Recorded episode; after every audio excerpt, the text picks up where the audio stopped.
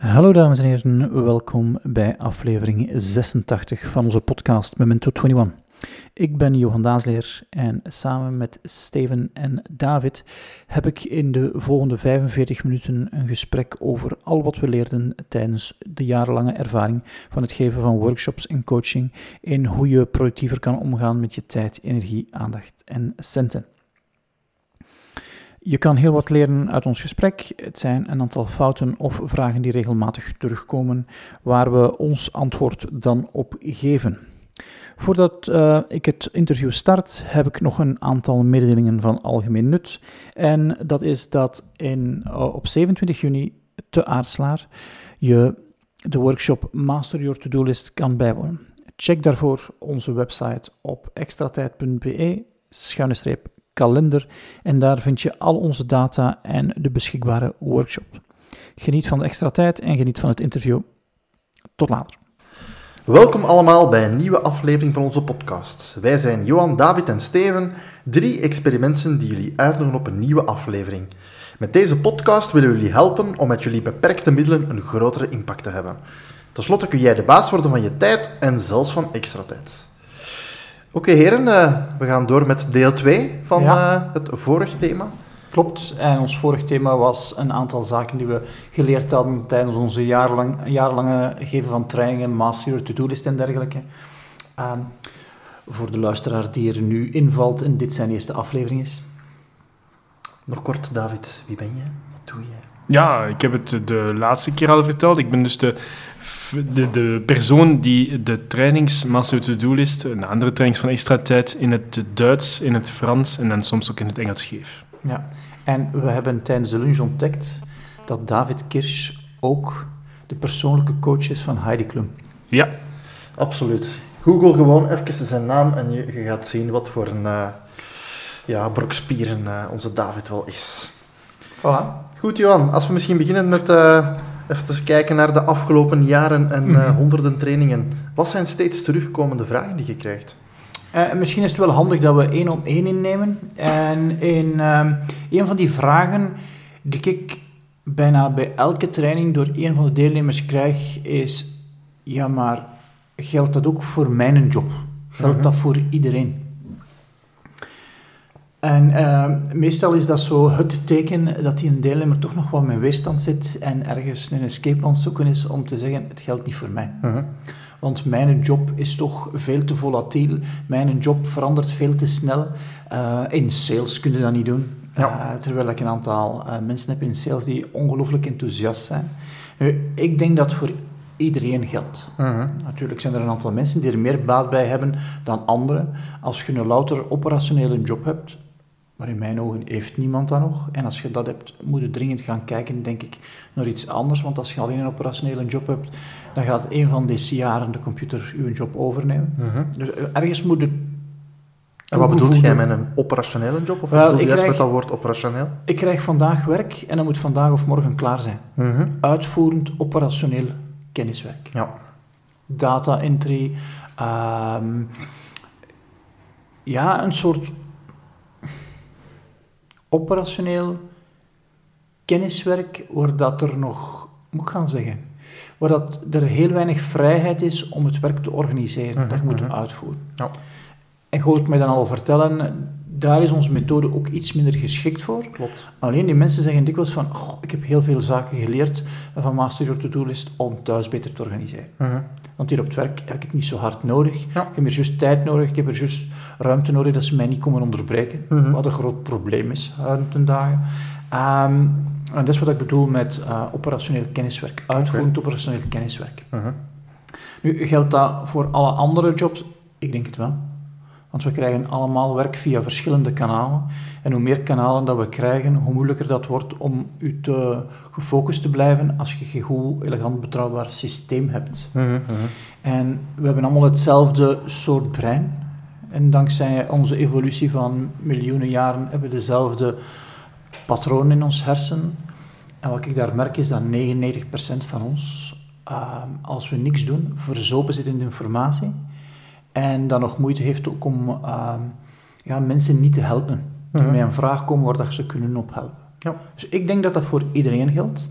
Dat elke kenniswerker die een mix heeft op zijn bord tussen lange termijn en korte termijn, nood heeft aan een systeem die hem helpt om de ideale keuze te maken tussen de korte termijn en de lange termijn. Want als je geen systeem hebt, dan doe je alleen maar de korte termijn. Ja. Dan zit je in een reactieve mode Mhm. en zit je niet proactief.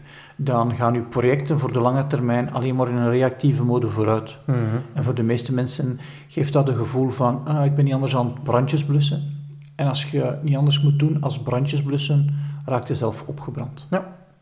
En je, ja, ik, ik, ik heb niet graag dat mensen opgebrand geraken. En verder moeten we uitgerust zijn om ons werk te doen, in plaats van opgebrand te zijn ah, door het werk. Mhm. Klopt. Ja. Ah, en dat is een vraag die ik frequent krijg. Geldt dat nu voor iedereen? En dan zeg ik dan volmondig ja op. Mhm. En hoe volatieler, dus hoe veranderlijker uw omgeving, hoe beter uw systeem. Wat dat tegennatuurlijk is, want je denkt van ja, het heeft geen effect, maar als mijn omgeving niet verandert, heb ik geen goed systeem nodig. Hè? Dan moet ik geen vier lijstjes maken, Ja, dan maak ik alleen maar een kalender waar ik dingen mee doe. Ehm, als de omgeving niet verandert.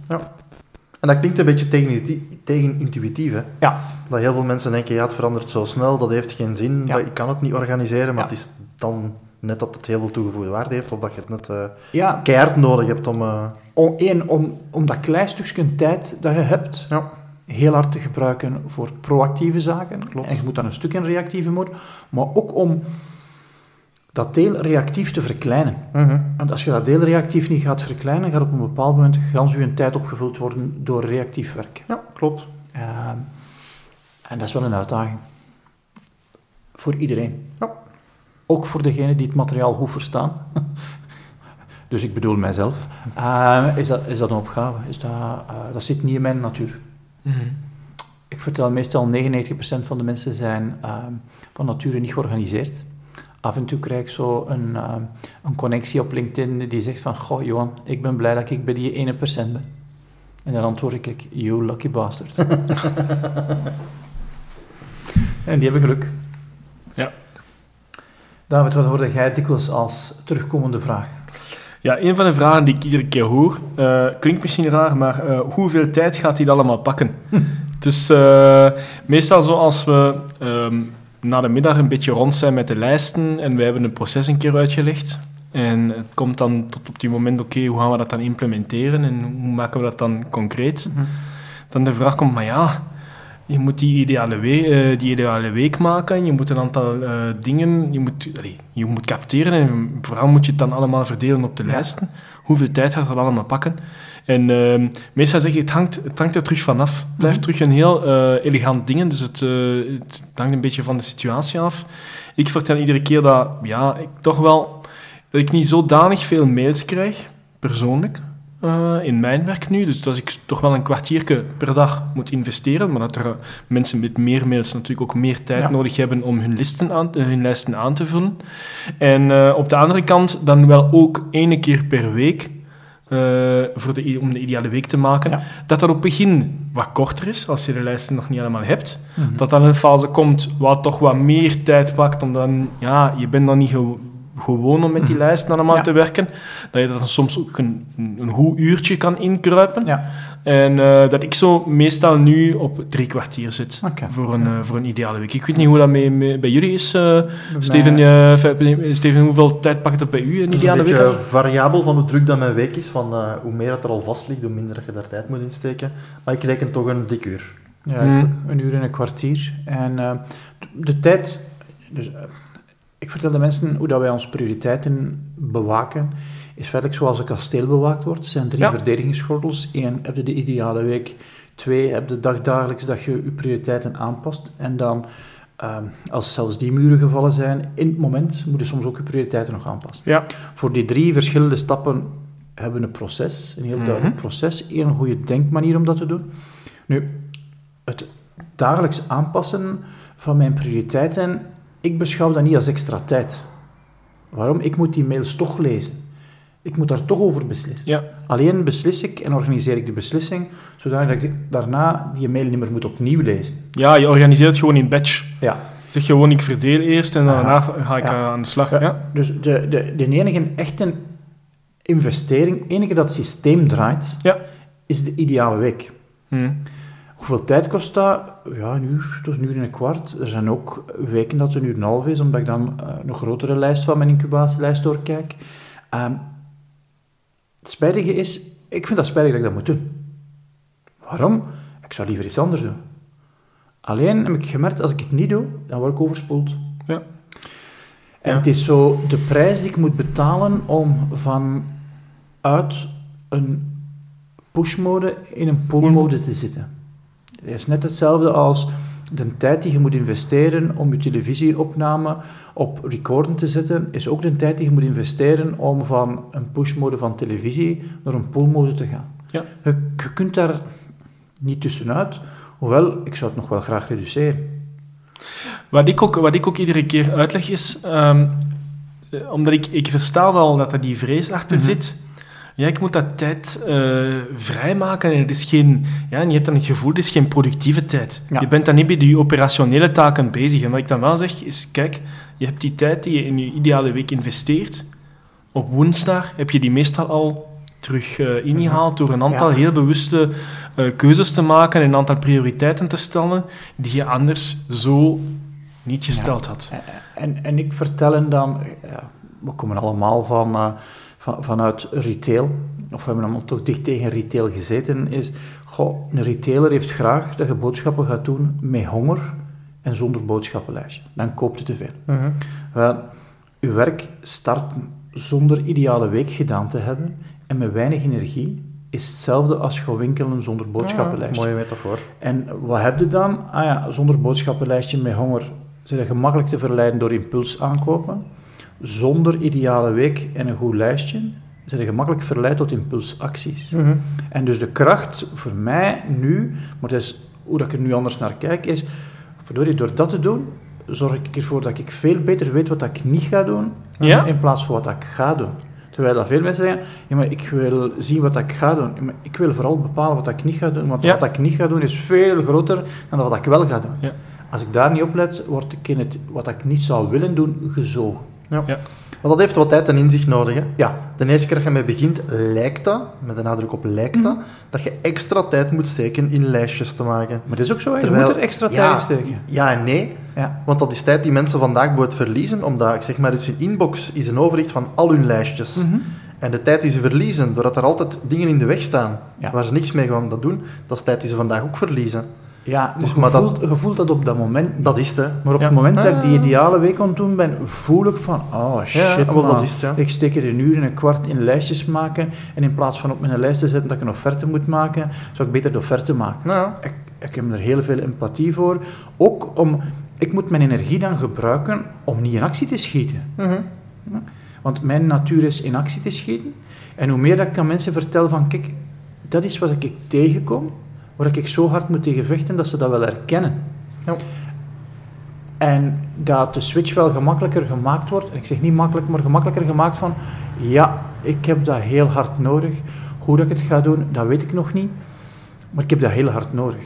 En mijn zoektocht en de inzichten die ik nodig had, was geweest van, Johan, je moet dat doen op de momenten dat je kunt vechten tegen je natuur. Mhm. En mijn natuur is in actie te schieten. Mijn natuur is niet prioriteiten te maken. Ja. Dus als ik dat zou doen op het moment dat mijn natuur gemakkelijk te volgen is, als ik weinig energie heb, dan maak ik geen prioriteiten, dan schiet ik in actie. Mm. En dat is niks met uw natuur, dat is gewoon hoe dat onze hersenen in elkaar steken en evolutionair zijn opgebouwd. Dus vandaar dat dat ook voor eh 99% van de mensen ons, gaat. hè. En Van de natuur plannen en- we niet, van natuur En de abnormale, die ehm, op een of andere gelukkige manier hebben die overleefd in de evolutie. Ja. En die hebben nu een groot voordeel. Ja. Lucky bastards, noem ik het. Again. Als we terug- ja. Dat is dus een, inderdaad een vraag dat mensen zeggen, ja, maar ik ga er tijd mee zijn. Ja, ik weet dat. Ik weet dat, je hebt gelijk. En vroeger zou ik beginnen discussiëren hebben met mensen van, maar je gaat die een tijd terugwinnen. Nu zeg ik, je hebt gelijk. Dat gaat een uur in een kwart komen en dat is zonde. Ja. En, en dan merkte dat hun, hun weerstand Ja. weg is. Hè. Ik heb Ja, dat van, mijn, van, van onze zoon geleerd. Hè. De, eh, als Sylvian kwaad is op de chef, eh die zegt, je hebt gelijk, sorry. Je zit uitgeklapt, hè.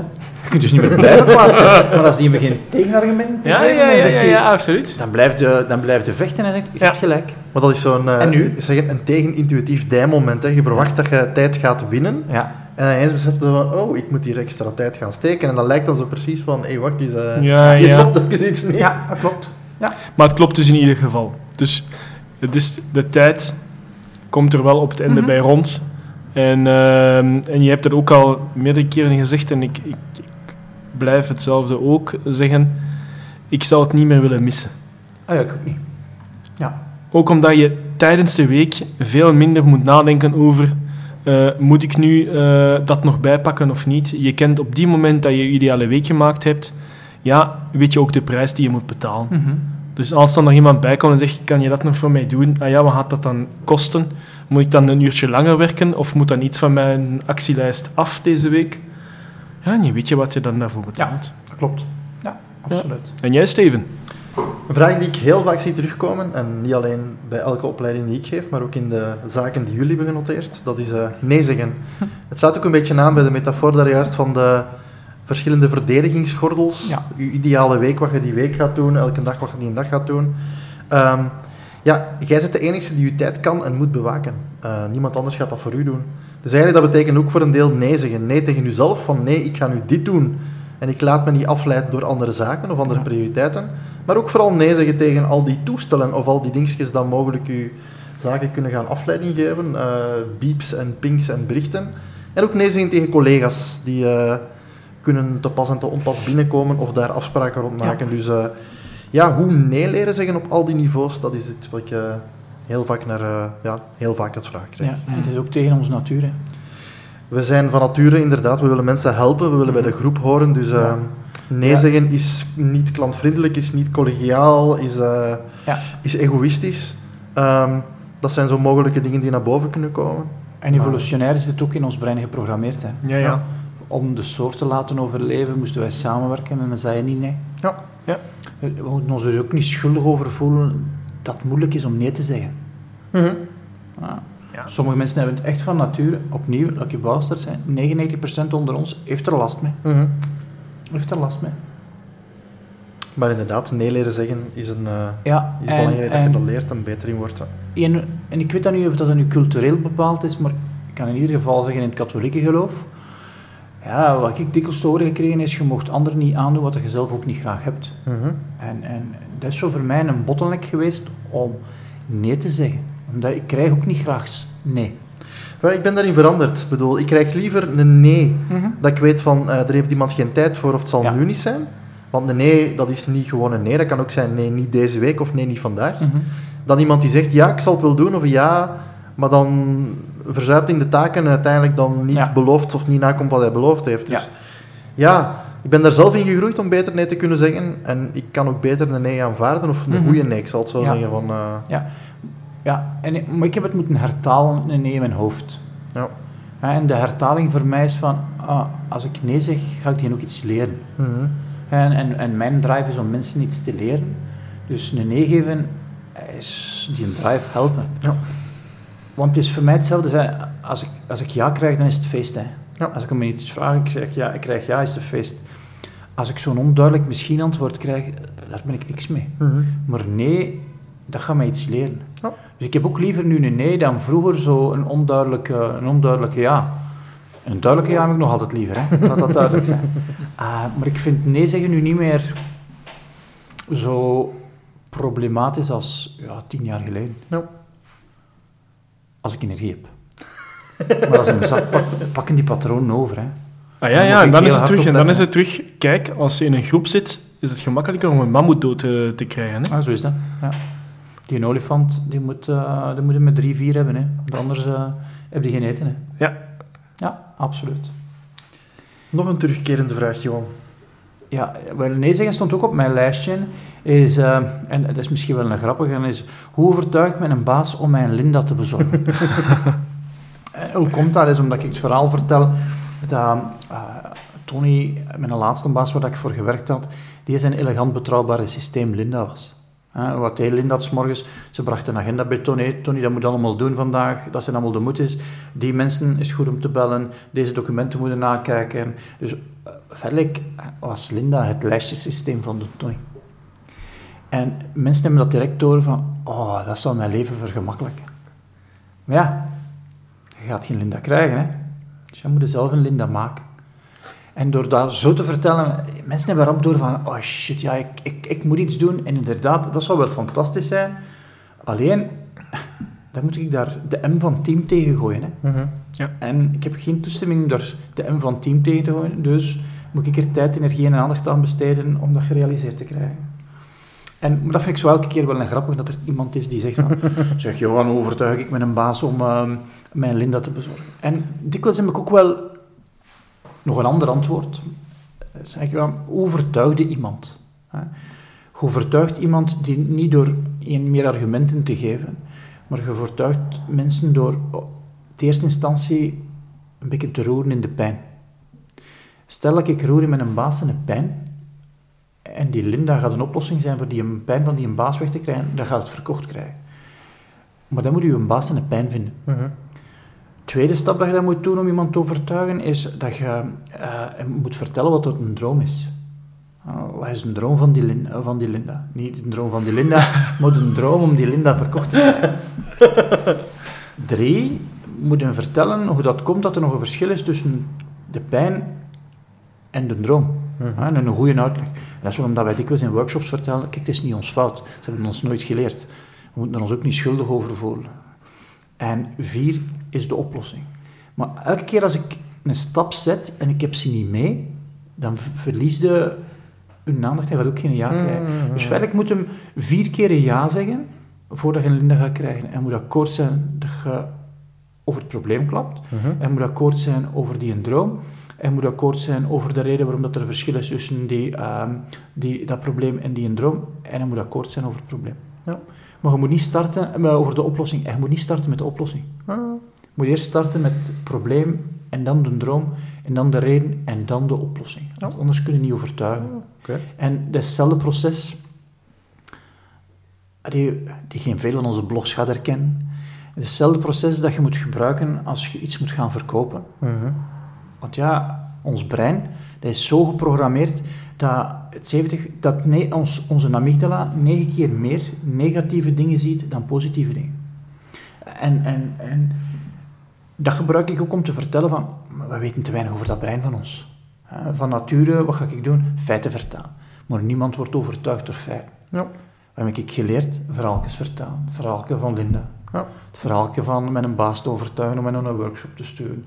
Verhaaltjes vertellen, omdat die gewoon veel beter blijven plakken. Eh, we willen niet dat, we willen dat blijft plakken. Gisteren was ik een keynote aan het doen en de eerste twee keynotes voor mij waren allemaal feiten, waren allemaal...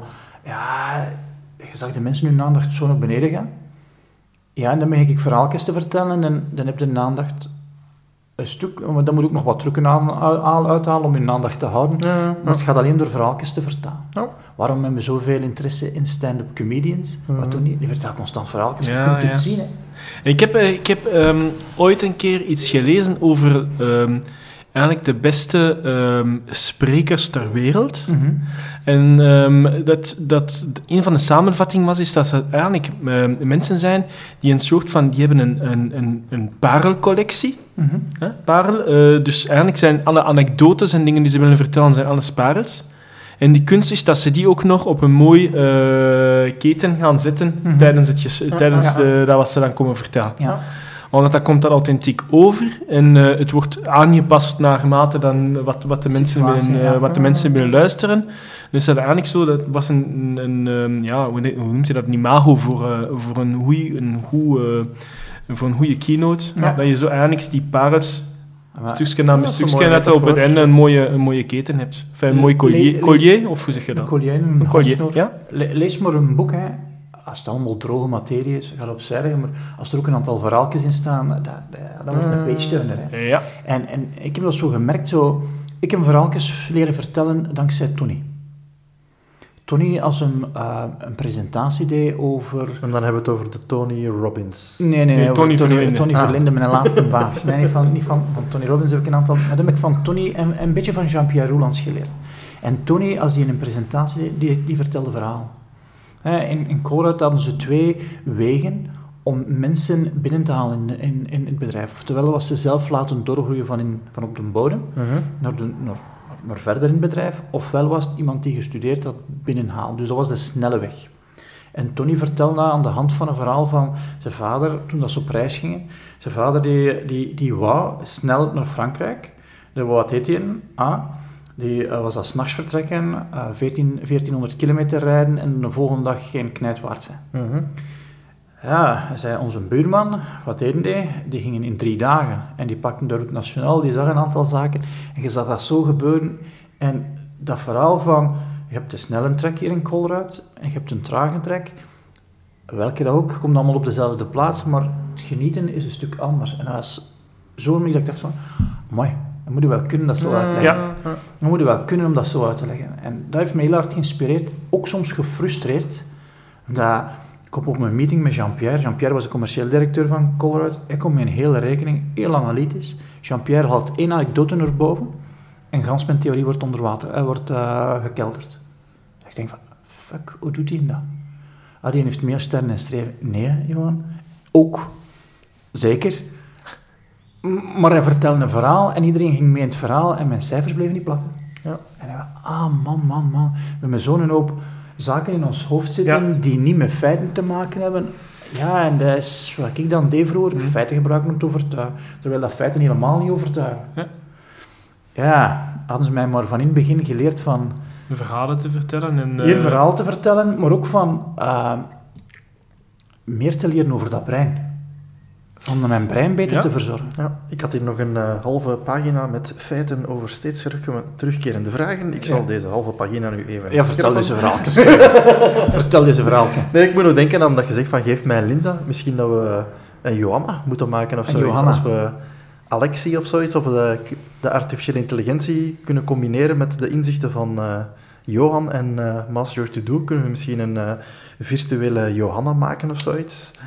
Waar je nu- lijst kunt dan dicteren dat er op de juiste momenten zegt Het van... is nu eh, wel grappig, want de laatste maanden is dat iets dat ik niet over Johanna, maar iets dat ik meer en meer aan het vertellen ben, is, kijk, bereid u daar maar op voor, want dat gaat komen. mhm. Uh, je gaat kunnen in je auto zeggen dit of dat. Je gaat kunnen zeggen van, hey, zet dat eens op het boodschappenlijstje. En, en waarom is dat zo'n... Dat kan nu al, hè. bedoel, ja. Ja, absoluut, maar het gaat ehm, veel meer komen. Mhm. En we gaan het ook veel meer accepteren. Ik was, ik was het aan het vertellen in, in een workshop en die zei...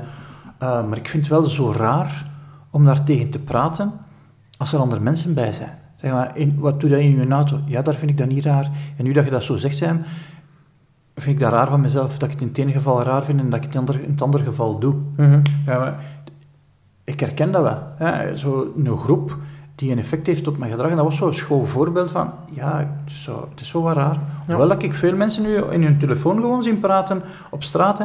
Dat je gewoon mensen met horkjes zie, zie praten.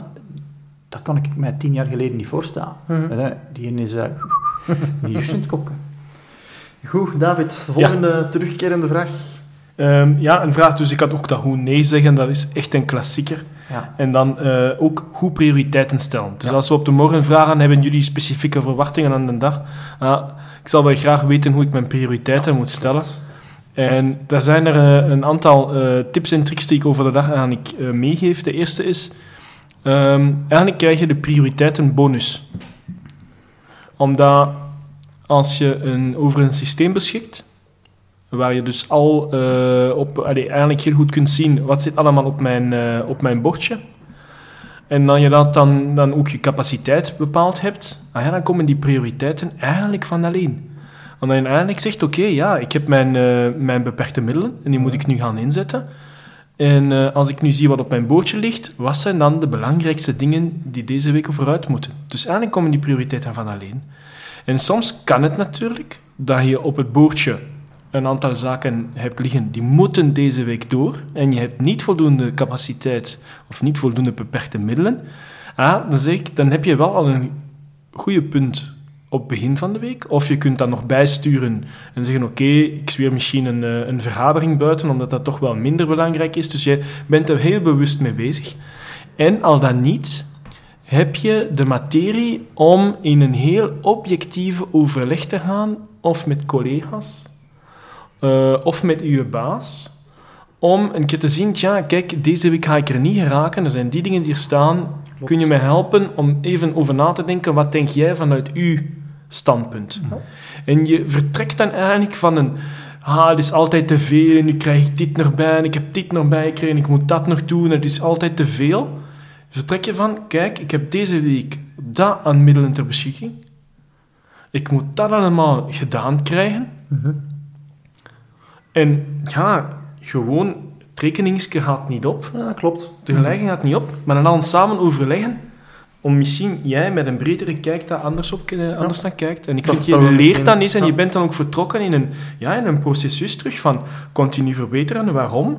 Ah ja, omdat je leert ook, wat vindt dan mijn baas belangrijk als ik zo die verschillende dingen naar elkaar eh, stel? Of wat vindt een collega die in het algemeen ehm, ja, ook als efficiënter bezien wordt, of als eh, dat de collega die heel veel succes heeft, waar steekt hij dan prioritair zijn, zijn, Ja. zijn tijd Ja. in? Dus eh, Ja, dat, is zo wat, ik, wat, is zo, wat ik zo meegeef. Maar eigenlijk komen die prioriteiten op een heel natuurlijke manier. Als je eigenlijk die, die, dat gelijkenis of die, die Ja. ja, evenwicht moet zoeken tussen capaciteit en wat, wat op je bord Dat is ligt. zeker een terugkomende vraag. En wat ik dan altijd als vraag teruggeef, wat ik stel dan, ik begin dan vragen te stellen. Ja, ik, ik wil iets weten over prioriteiten. Ja, Oké, maar wat dan over prioriteiten? Eh, wat bedoelde? Ja, prioriteiten, er zijn veel verschillende dingen. Hè. Is het prioriteiten maken of is het volgen? Ehm, alle twee zeggen ze dat. Ja, maar wacht, wat is onze eerste bottleneck? Is het maken of is het volgen? Oh, oh, het is maken. Zeg, Oké, want als het volgen is, moeten we een ander probleem oplossen. Eh, En dat laat me dan altijd de kans om bottleneck uit te leggen, maar dan krijg je natuurlijk de vraag, hoe vindt u een bottleneck? Eh, dus, dat is- bij mij is Dat is ook een steeds- andere vraag die komt. Ja, steeds ja. weerkerende vraag, hoe vind ik nu mijn bottleneck? Ja, en het antwoord erop is, door je proces uit te tekenen. Door je proces uit te tekenen en dan analyse te doen van de situatie en wat data te verzamelen, zo vind je een bottleneck. Maar dat is wel een belangrijke vraag. En, en ik heb geleerd tijdens die trainingen van, ik ben er nog niet heel goed in, is van meer vragen te stellen. Mhm. Want eh, ik, gemaak, ik raak gemakkelijk in op mijn preekstoel. En dan begin ik te teachen. Maar door vragen missioneren. Ja, Ja, ja, ja. maar dan begin ik te teachen. En, en het is makkelijker om door vragen te stellen hun zelf een inzicht te laten zien. En Ja. door die vraag te stellen, wat is juist het probleem? Dan, dan zien ze nadenken, shit, ja, ik heb mijn vraag niet goed Ja. gesteld. Ik heb mijn vraag niet goed gesteld. Want inderdaad, prioriteiten is een heel klassieke verhaal, maar je hebt heel veel dimensies. Waar wil ik Mhm. op termijn naartoe? Wat moet ik de komende uren gaan doen? Wat... Ja. Dus inderdaad, de doorvragen is een hele goeie. Ja. Even nog de rest, David, want ik vond dat wel een heel goeie. Inderdaad, daar, daar leggen misschien wat te weinig klemtoon op, maar uw systeem is ook een ongelooflijk mooi communicatiemiddel, zoals gezegd, om naar collega's en naar uw leidinggevende te vertellen waar dat je mee bezig bent en wat dat tijd kost en wat dat je moet doen. Dus eh, zeker een mooie. Goed, Ja, je ga- kunt dan ook... Je kunt dan ook ehm, ik pik daar nog even op in, omdat... Het is ook iedere keer... Ah ja, en dan is het donderdag en dan komt mijn baas plots en zegt... Ah ja, het moet voor morgenavond gedaan zijn. Mhm.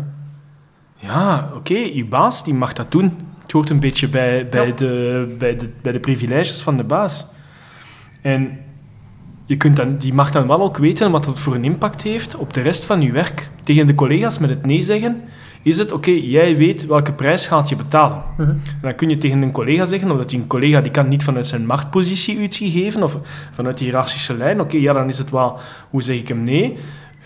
Tegen je chef nee zeggen, die zegt, maar ja, je mocht nee tegen me zeggen, het moet toch gedaan zijn. Mhm. Ja, dat kun je dan ook terug op een heel veel, veel ja, objectievere manier in Ja, een uitwisseling gaan. Hè? Als je zegt van gevraagd met dit, dus dat betekent dat deze twee andere zaken mogen verschuiven. Ja.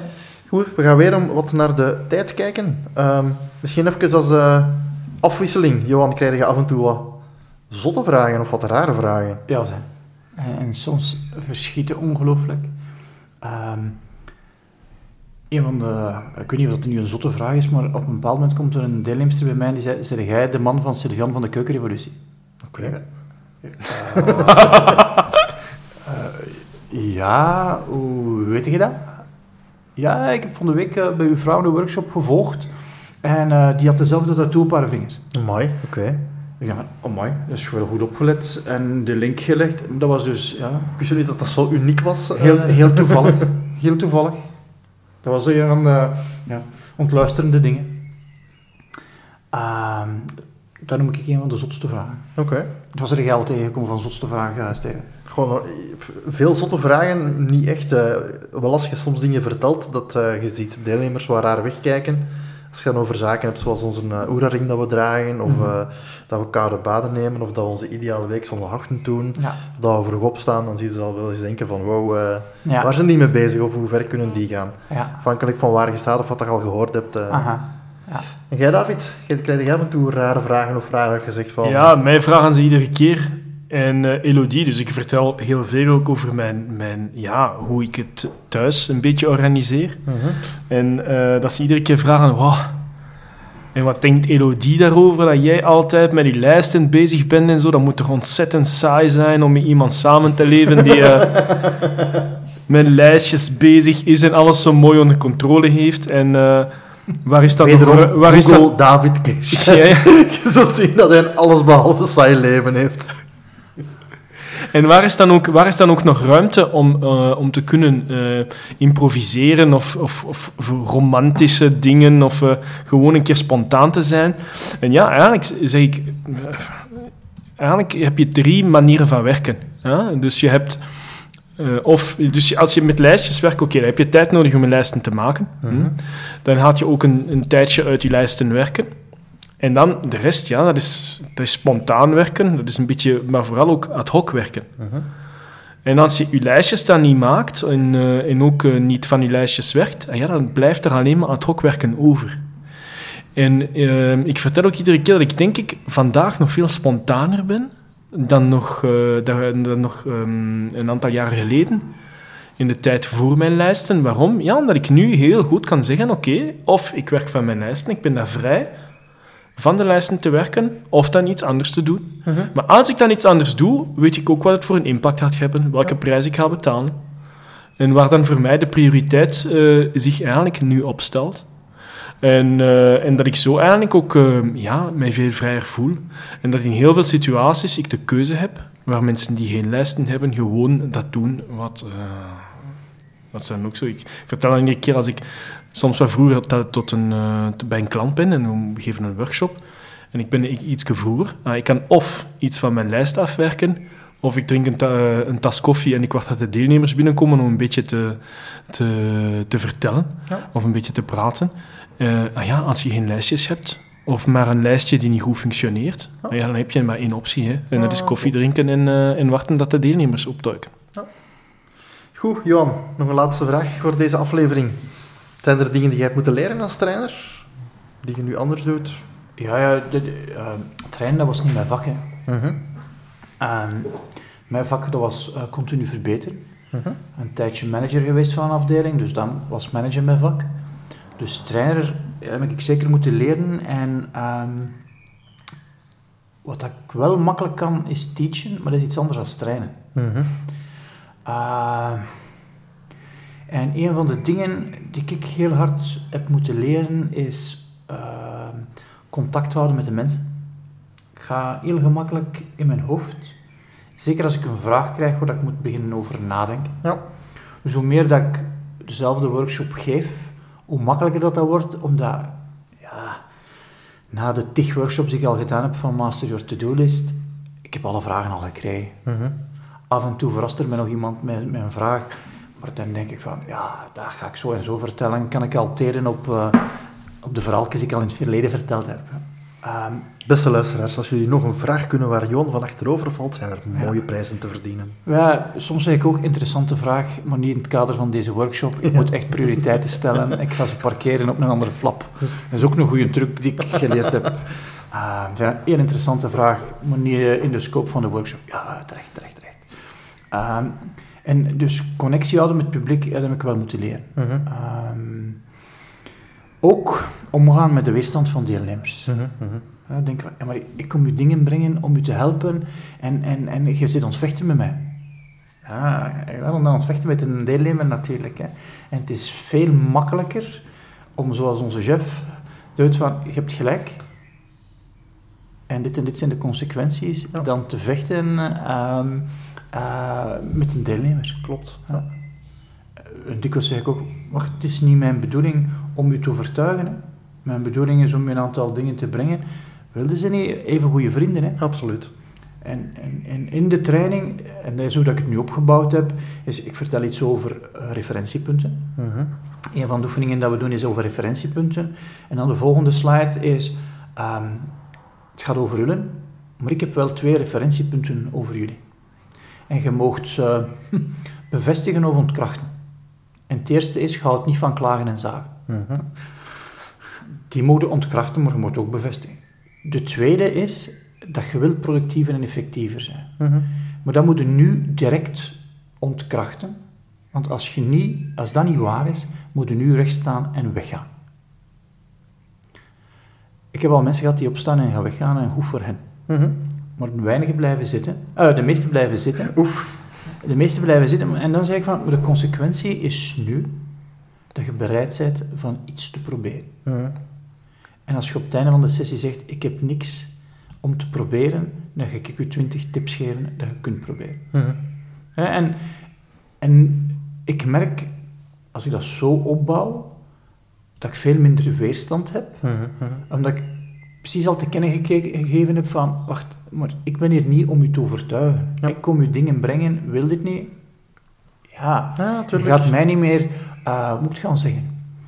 Je gaat mij niet meer choqueren of kwetsen daarmee. Ik ben heel enthousiast over de methode, maar als u niet helpt, helpt het u ja. niet. Mm. Maakt mij niet uit. Ja. Want vooral duidelijkheid, we zijn hun vaardigheid aan het leren. Zij gaan het moeten doen. Ja. En wij kunnen het niet voor hen doen. Ja. Het is niet dat ze op het einde en, in zinnen moeten en, afdreunen. Nee, uh... Absoluut. En sommige mensen zeggen van, goh, met een bottleneck is niet dit. Mm -hmm. En voor die 1% denk ik van, je hebt gelijk. Uw bottleneck zit ergens anders. En je moet meer slapen, je moet meer Mhm. sporten, je moet, je moet iets anders meer doen. Maar dit is inderdaad niet een bottleneck. Um, wat heb ik moeten leren? Ik denk dat ik een betere trainer ben, maar ik denk dat er ook wel betere trainers zijn dan ik. Trainen is een vak dat ik uh, heb moeten leren en waar ik nog wel heel veel groeiprogressie in heb, denk ik. -hmm. Maar ik weet niet of dat ik ze nog wil maken, de groeiprogressie. Of okay. dat ik geen uh, energie wil steken in een andere bottleneck van mij te verbeteren. Dank u. David, heb jij nog uh, ja, de ik heb, laatste minuten uh, wat samen? Ja, ik heb, ik heb gewoon... Ik weet ook dat ik heel hard moet opletten als ik... Omdat ik zelf zeer enthousiast ben, dat ik niet begin te missioneren. Hè, dat ik niet Mhm. mm -hmm. begin ook te... Dat ik dan begin zo door te, te, te duwen en dan ook... Ja, dan ook soms wat, ook wat moeilijker mee om kan als het dan weerstand is. En dan zeg je, ik versta het niet. En ik probeer dan te overtuigen, maar eerder te overbabbelen of te overpraten. Hè? Dus daar, dat is, daar moet ik zeker uh, nog altijd mee opletten. En ik, ik weet, dat is een valkuil van mij. En uh, waar, ik ook, waar ik ook nu door ben, wat ik echt geleerd heb, dat is ook, je kunt en je moet niet alles weten. Uh -huh. Uh, ja, ben ik, ook een, ben ik ook een mens en uh, heb ik al een aantal dingen uitgevonden en doe ik zeker een aantal dingen goed en kan een aantal dingen ondersteunen. Er zijn nog altijd dingen die ik niet weet. En ik uh, denk ook dat ik nooit alles uh, één keer in mijn hoofd krijg. En dat is ook mijn rol niet, maar dan wel samen uh, over na te denken. Ja, hoe zal dan een antwoord kunnen uitzien of waar zouden we dan een antwoord kunnen vinden? Mhm. -huh. Voilà. Oké, okay, dank u. Misschien als uh, afsluitertje, zijn er nog uh, grappige anekdotes die we kunnen uh, delen? Ja, ik, ik heb... uh, het een is denk ik wel een spijtige anekdote. En verder ben ik ook wel een beetje kwaad geworden. Ik denk dat dat een van de laatste keren is dat ik kwaad geworden ben tijdens een training. Dus ik, uh, ik geef een workshop van een klein bedrijf, een 45-tal mensen. Uh -huh. En uh, ze verdelen die groep in drie. Ja, ja, als je 45 mensen uit operaties pakt, dan ligt het bedrijf stil natuurlijk. Hè. Um, ik had gezegd, je kunt tot 24 mensen, maar ze hebben ervoor gekozen van in drie. Want anders was het maar in twee groepen. -huh. um, en we geven die workshop en in die eerste workshop zit de CFO, een dame. En ik zag die draaien op haar stoel. Je, zag die haar weerstand vergroten. Uh, tijdens de pauze was ik er al eens gaan bij klappen om die weerstand te verkleinen. Maar blijkbaar pakte mijn mayonaise daar toch niet echt goed. Mhm. En eh, op een bepaald moment zegt ze van... Dat geneuzel met die lijsten, ik ga dat niet doen. En ik was shocked mhm. dat de CFO dat dus zei tijdens een opleiding. En tijdens de pauze ben ik met haar ook gaan erover praten. En ik zei, sorry, maar dat doe je dus niet. Hè. Ze heeft dat in de groep gezegd. Ja, Ah, aan plein publiek. Ja, sorry, maar dat doe je dus niet. Hè. Ik vind dat een gebrek aan leiderschap. Hij was natuurlijk kwaad op mij. Mhm. Uh, zeg, ik vind dat een gebrek aan leiderschap. Want wat dat jij nu gezegd hebt, is dat er zitten hier zeven, acht mensen die het heel hard nodig hebben. Mhm. Maar die het niet gaan toepassen omdat jij gezegd hebt dat, je, dat jij het niet gaat toepassen. Hè. Iedereen gewoon geld weggesmeten. Hè. Mhm. Sorry, hè. Maar je gaat een factuur krijgen. Hè. En, en, en, daar vind ik dat een leidinggevende de tegenwoordigheid van geest moet hebben om te zeggen van, tjoe, ik voel mijn eigen weerstand, het is mijn eigen aard, maar ik ga dat hier nu niet benoemen, omdat als ik het benoem, ja, dan gaan een aantal mensen Ja, niet willen veranderen. Mhm. En dat vond ik een van de spijtigste anekdotes. En, en ik denk dat, ja, dat er nog wel eh, ruimte is voor verbetering als, als leidinggevenden ja, mee zouden trekken als iemand naar een workshop geweest is, omdat dat een deel van de community is. Hè. Mhm. Maar de meeste van ons hebben geleerd voor eh, ontzag te hebben voor onze leidinggevenden. Als die leidinggevende dan komt navragen, wat heb je geïmplementeerd, wat gaat je nog doen, dat die een soort supergido is, Mhm. ja, dan gaat er meer vooruit. Ja. En ik merk daar dat ik dat van weinig van mijn leidinggevende, zelfs van leidinggevenden waar ik vond dat goede leidinggevenden waren, weinig gekregen heb. Ja. Luc, de beste baas waar ik voor gewerkt heb, die ja, na ik naar een workshop gevo- gevolgd had, zei, was het een goede workshop? En ik zei, ja, en dan was de kous af. Dat was niet van, wat heb je geleerd, wat gaat je implementeren? Was het een goede workshop? En de kous was af. En dat was de beste baas waar ik voor gewerkt had. Mhm. Waarschijnlijk had hij me van alles gevraagd, had ik meer geïmplementeerd. Mhm. Omdat ik heel veel ontzag had voor Luc. Ja. Ja, en een grappige anekdote, eh dat is dan compleet tegenovergestelde. Dat is eh, een, een deelnemster die na een training kwam vragen of dat ik er een man kon omvormen tot een elegant, betrouwbaar systeem. kun, je, kun je daar een Linda van maken? Op, in tijden van transgender en dergelijke, de, van uw mannen een Linda maken, ik weet niet of je dat wilt. Ehm maar je hem sturen naar de workshop. Ja, dat is een van de, in de Oké, grappigste die ik... dat je daar nog eh, iets Ja, tegenover ja, dat, kan ik niet, dat kan ik niet toppen. Wat ik wel voor had, is dat ehm, eh, ook een keer tijdens... Ik had een dag, ging een dag eh, opleiding geven.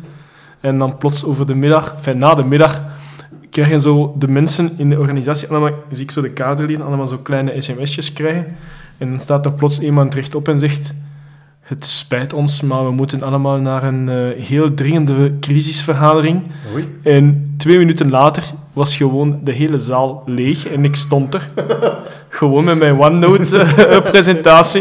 ik heb mijn spullen samengepakt en ben naar huis. Dus ik had een Huh? eh, halve dag extra capaciteit. Ja, die waren weg. Die waren gewoon weg. Hè.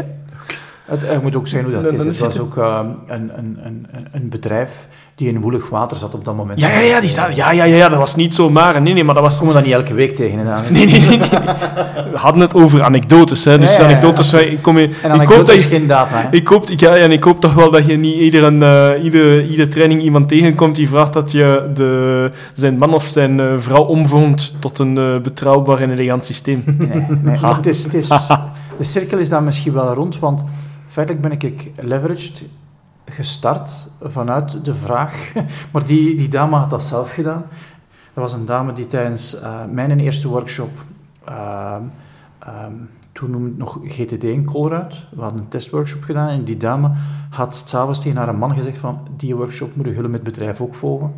Die had dan naar mij gebeld en dat is de aanleiding geweest dat ik leverage gestart ben. Ja. Dus die dame had haar man zelf overtuigd van een betrouwbaar systeem te maken, te, te worden. En die, ja, verder, zonder te weten, eh, misschien moet ik Anja nog een keer een boeket bloemen sturen, om, eh, eh, Voilà. omdat ze haar man overtuigd had. Maar ik denk ook niet dat ze nog bij haar man is, denk ik. Dat zal niet zo heel betrouwbaar geweest zijn. Goed, en met deze noot denk ik dat we... Ja, misschien, eh, David, de volgende keer gaan we het ook hebben over iets wat eh, u nou aan het hart ligt. Kun je al een eh, tip van de sluier Een beetje oplichten? teasen. Ja, ik ga ehm, ah, volgende keer misschien een klein beetje meer nog over ehm, vertellen wat ik ook nog doe naast ehm, eh, mijn werk met Master To-Do List. En ook over een systeem spreken dat ik ontzettend inspirerend vind, ook om de kant naast de efficiëntie inderdaad ook aan de effectiviteit te werken. En dat noemt Theory U. En eh, waar het, eh, het is eigenlijk een soort van model En een aantal technieken die permitteren om ehm, ja, minder eigenlijk weten en beslissingen te pakken op basis van wat er gebeurd is. En meer aandachtig te worden van, tja, wat is hier waar is hier de nood om iets ja, in de wereld te zetten of wat heeft je goesting om in de wereld te komen. Dus uh, klinkt misschien nog wat... Klinkt interessant. Klinkt nog misschien wat, wat raar misschien wat wollig, maar jullie gaan dan zien dat dat uh, toch wel heel, heel mooi... Ik denk uh, vooral dat ze het gaan horen. Ja. Wat liefst? Ik denk vooral dat ze het gaan horen. Ze gaan het horen, ja. In plaats voilà. van zien. Goed. Goed gezien. Sava, bedankt allemaal. Allee, bedankt. Tot de volgende. Hey, met Johan nog een keer. Dankjewel om te luisteren naar de volledige aflevering van Memento 21. We appreciëren je tijd, energie, aandacht. Misschien heb je de tijd in je auto mindful gebruikt om naar onze aflevering te luisteren. Dank je wel daarvoor. Dan is het moeilijk om op iTunes onze beoordeling te geven, maar we zouden het ten zeerste appreciëren. Vijf sterren vind ik geweldig, maar alle feedback is welkom. Tot volgende week. Misschien. Out.